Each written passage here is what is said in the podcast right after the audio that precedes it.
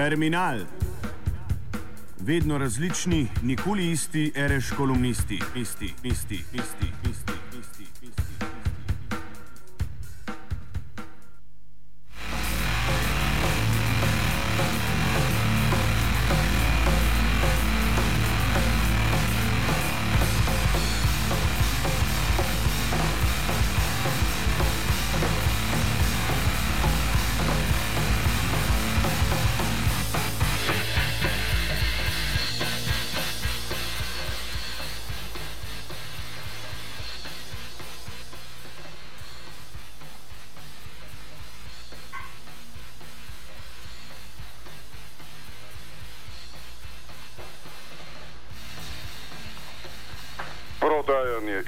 Izdelkov, prodajanje megle, prodajanje vetra.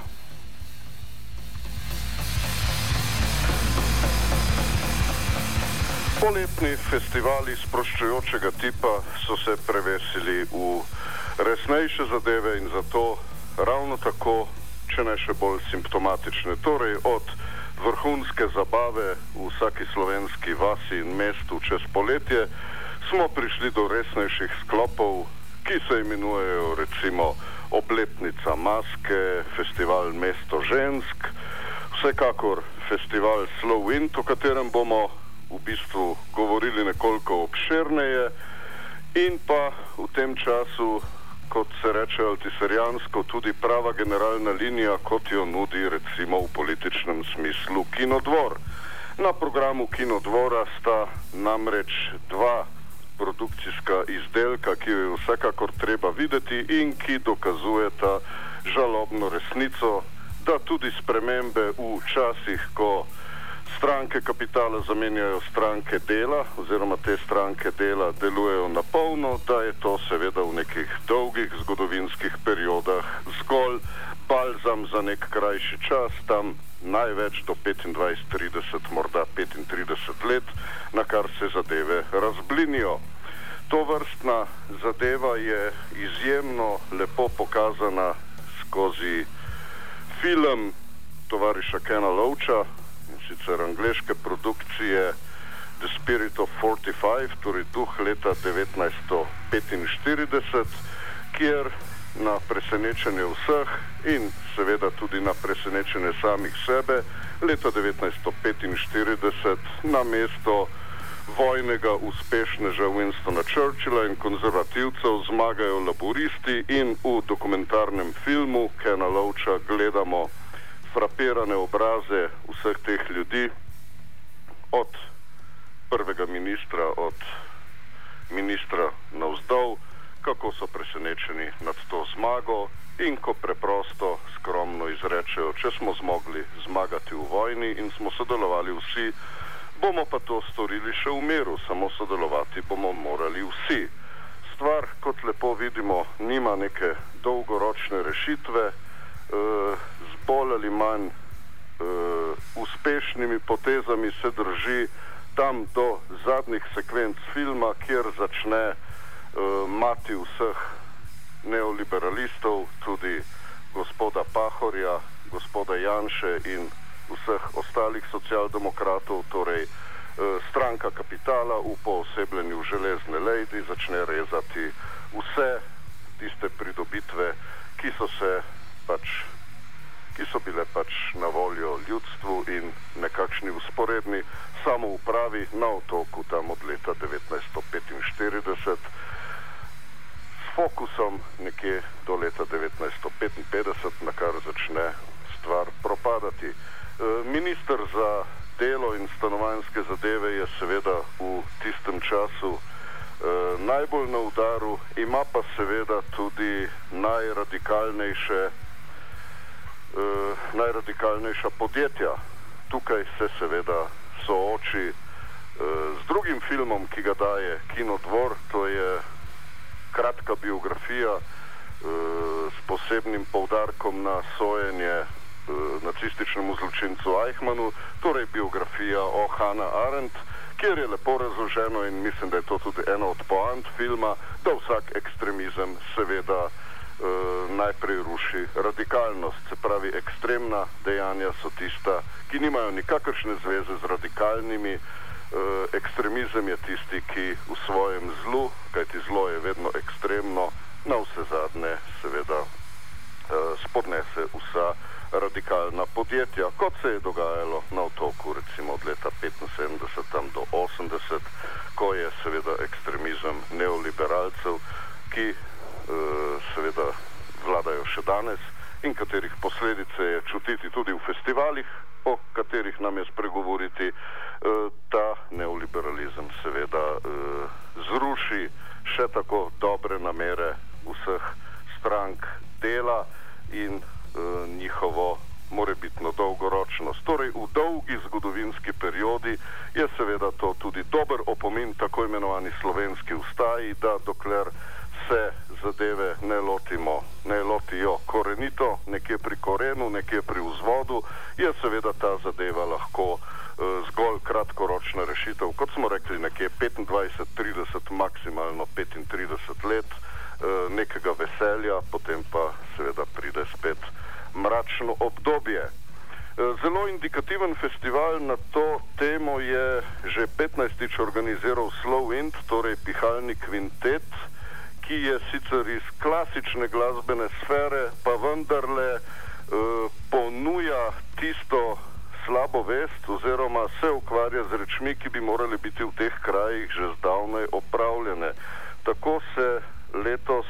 posveča 79-letnici, kar je zelo ljubko, namreč da ni 80, ampak 79-letnica Vinka Globokarja. Celoten festival ima naslov Prodajanje vetra. To je ena izmed globokarjevih kompozicij srede 70-ih let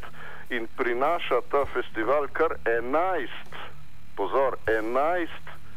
prvič izvedenih globokarjevih del na slovenskem, kar je seveda že samo po sebi simptom in nas napeljuje k temu, da bo Vinko Globokar prav k malu dobil status lipicanca. Torej, Francija in Nemčija eh, kot vele sili tudi na področju glasbene avantgarde si bosta lastili tega francoskega državljana za svojega, tukaj pa bo seveda treba spet uh, delati opravke za nazaj. Uh, te opravki so seveda izključno krivda klasično glasbene srednje, ki je pri nas od leta 1945 do današnjih dni nekako si dala opraviti sama s seboj, torej je vedno rada poskrbela za izvedbo novih del slovenskih skladateljev, e, pri tem pa pridno gojila muzejsko dejavnost in pozabljala na svoje najboljše sinove. Od tot 11 izvedb, ki segajo, 11 e, prvih izvedb, ki segajo, katerih nastanek sega tudi v začetek, v sredino 70-ih in tako dalje in tako naprej klasično glasbeni lobby, ki ga zdaj pihalni kvintet Slovenk uspešno ali pa tudi ne razbija, je seveda eh, pri nas izjemno močan in bi rekli, da je to en tistih eh, najbolj zacementiranih, eh, večnih delov slovenske glasbene produkcije, reprodukcije in tudi recepcije, v katerem vsakdo, ki je kdaj sedel v ekspertnih komisijah na ministrstvu ali na mestni občini, bo vedel, da je včasih razmerje uh, med klasičnimi glasbenimi pretenzijami in drugimi tudi do 7 proti 1, pri čemer seveda so klasično glasbene pretenzije večji del usmerjene k muzejski dejavnosti, tako da res ne vemo, zakaj z neko radikalno akcijo ponavljam, radikalno in ne ekstremno, Ministrstvo za kulturo teh stvari ne uvrsti pod muzejsko dejavnost, če se pač ne ukvarjajo z glasbo iz sveta, ki je nastala v 20. stoletju, kaj šele s tisto, ki nastaja tudi danes. Uh, vrnimo se seveda v čas, ko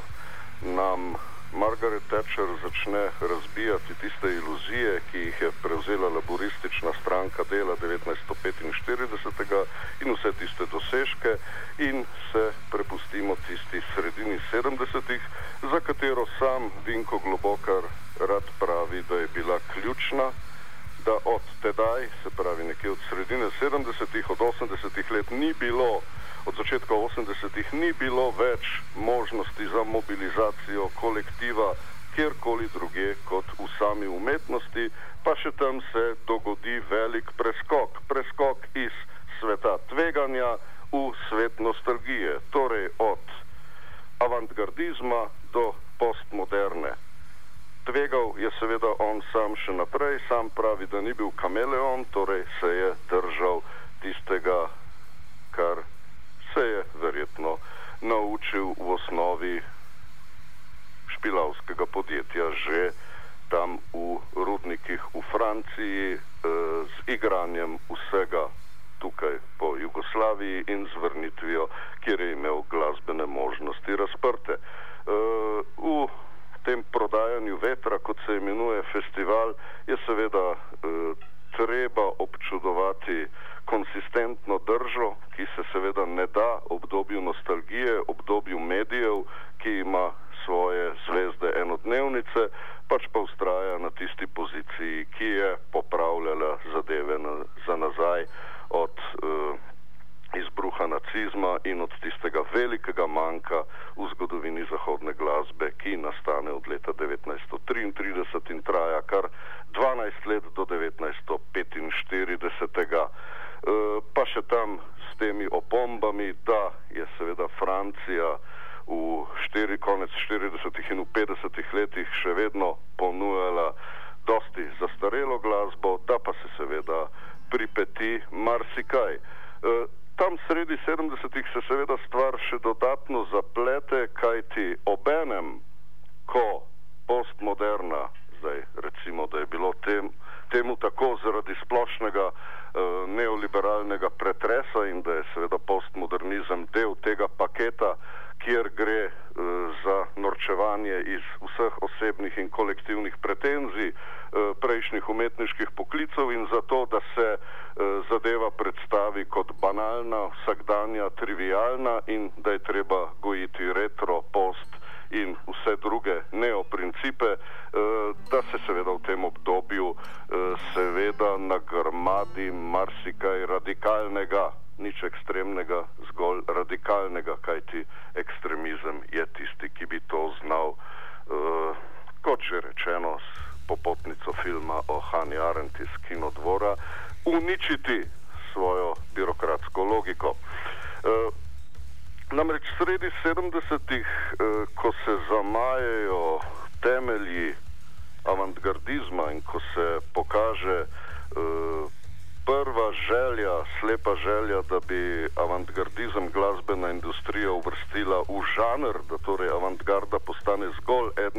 žanrov, ne pa tisto, kar naj bi bilo, torej tista uh, predhodnica, ki je veliko naprej, ki sledi sodobnim tokovom in ki sega vedno za vogale, ki se v temi neoliberalnega podjetja kažejo za vsakim voglom, v tistem momentu se seveda uh, zgodi marsikaj.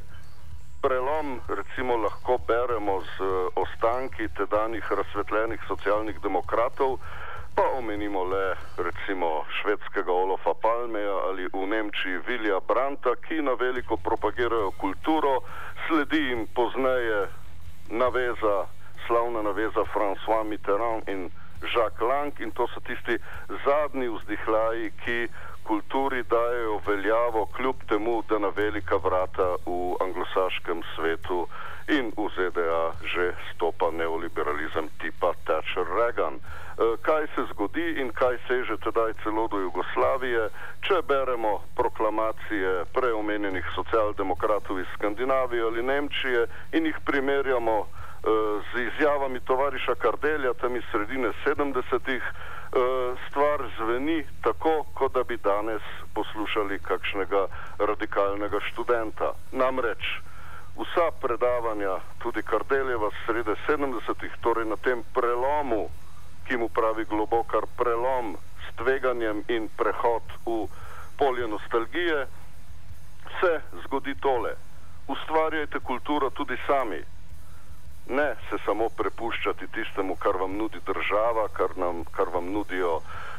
uradne skupnosti, ampak ustvarjate svoje interesne skupnosti tudi sami, gojite kulturo nekje v svojih krožkih, v svojih skupnostih. Ta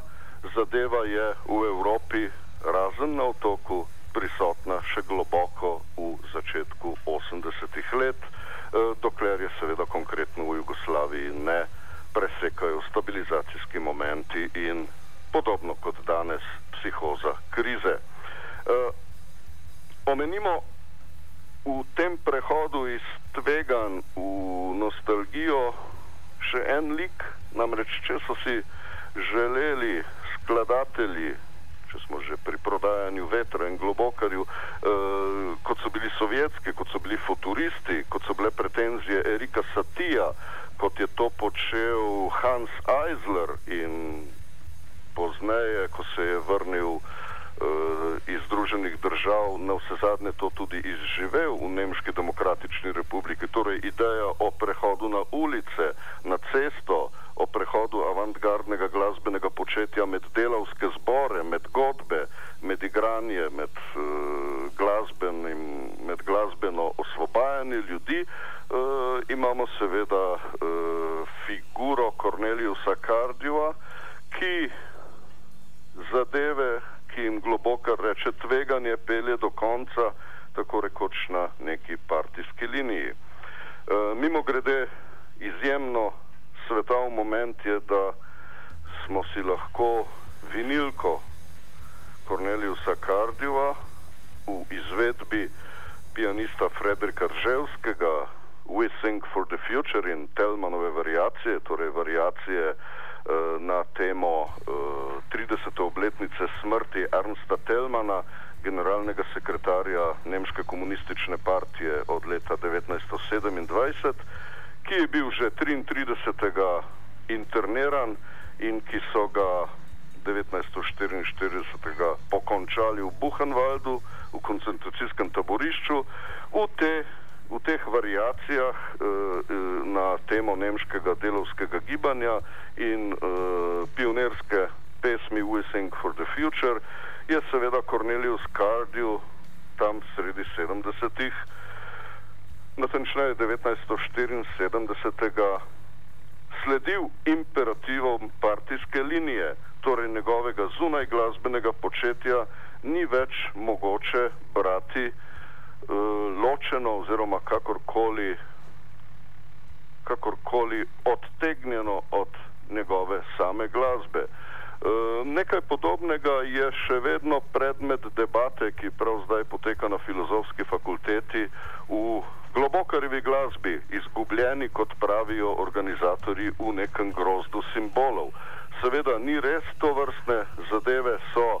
prav na prehodu iz obdobja tveganja v obdobje nostalgije dosegle svoj vrh v delovanju Korneliusa Kardijeva in ni več nikakršnih koli problemov, da zunaj glasbenih elementov, kar vam pove vsak uh, obiskovalec metal koncertov, uh, da jih gre kakorkoli ločevati od glasbenih.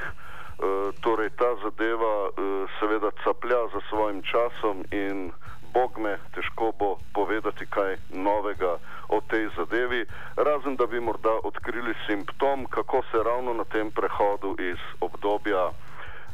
avantgarde, ki skuša enkrat za vselej prekiniti uh, s prekinitvami, kot, si, kot so si jih privoščili nacisti, ko so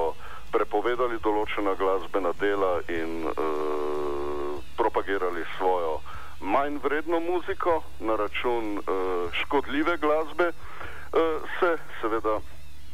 to vrstna zadeva uh, ne zdi tako problematična. Uh, zdi se problematična le v tem, da očitno obstajata dve vrste ljudi. Nekateri kot kameleoni se zlahka potem seveda infiltrirajo v polje postmoderne, torej postanejo nekakšni agenti neoliberalne agende uh, in cinično berejo dosežke strank dela kot nekaj, kar je bilo obsojeno seveda na določen čas. Vprašanje je, kaj v zgodovinski pravilnosti ni obsojeno na določen čas, in kaj je v bistvu dolgo obdobje, ali je to 5 let ali je to 35 let, verjetno v premiku uh, kapitalistične logike 35 let uh, danes ni več kdo ve kaj in sproža tiste nostalgije, ki se jim seveda tudi prireditelji drugih festivalov v teh krajih uh, radi oprijemljajo. Tako bo recimo Maska ob svoji 20-letnici prihodni teden že ponudila nov konstrukt, ki mu bomo seveda z zanimanjem prisluhnili. To je seveda mnenje, to je seveda teoretizacija, stališče, ki sproža post-alternativo. Bomo torej videli, kaj je tisti zadnji udarec, ki, uh, ki uh, spravi uh, alternativo, druge pretenzije, uh, ki ne segajo v polje kapitala, v sfero tistega post in kaj in koliko časa bo potrebnega do tistega, da bo prišlo do tega neo-post principa ali karkoli že moramo pričakovati od to vrstnega podjetja. Prodajanje vetra, torej te dni z enajstimi slovenskimi premjerami, del Vinka Globokarja ob njegovi 79-letnici, na drugi strani cinične ugotovitve, da alternativa ni več možna in da jo je treba seveda brati kot post. E, torej, e, očitno se e, naprezanja e, konzervativcev z otoka tam z konca 70-ih let zdaj berejo le še kot, kot e, vsakdanje večerno branje o tem, da alternative tako ali tako ni, oziroma da je obsojena na bolj ali manj kratke zgodovinske periode. Bomo torej videli čas družabnosti in sproščenih festivalov, gre torej v čas pre resnih oziroma resnih festivalov, eh, spremljamo jih tako naprej in seveda še vedno ugotavljamo, da se eh, vse politične pretenzije, kot jih ima tako imenovana slovenska ustaja, še vedno skrijejo pod radikalno, ponavljam, radikalno, nikakor ne ekstremno podobo, kot so nam jo lani jeseni, pa poprej, pa tudi to pomlad, ponudili dvoji. Z ene strani e, ustajniške socialne delavke, z druge strani antikapitalistični blok, ki je seveda postavil pod vprašaj prav kulturo, kulturo tisto, s katero smo ta hip izjemno zasipani, več ko je krize, več ko je tega, več je kulture, med katero seveda lahko štejemo tudi določena presežna dejanja, pa kaj nam to pomaga v svetu, ki prodaja meglo, ki prodaja veter in ki prodaja izdelkov, izdelke. Torej, od izdelkov, kamor se lahko v določeni festivalski maniri uvrstita tudi megla ali veter,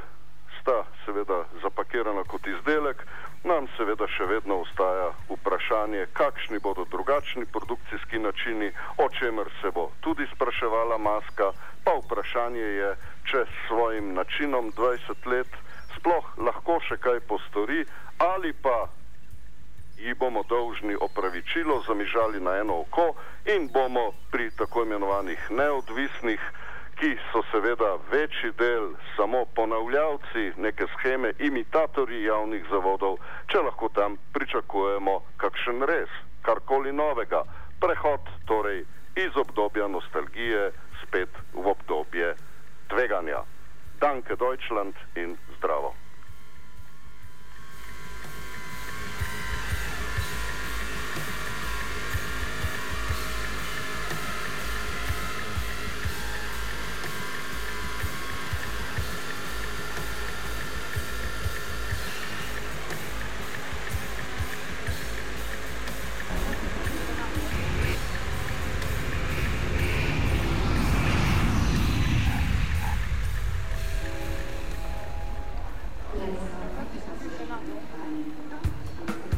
Terminal. Vedno različni, nikoli isti, reš kolumnisti, isti, isti, isti. isti.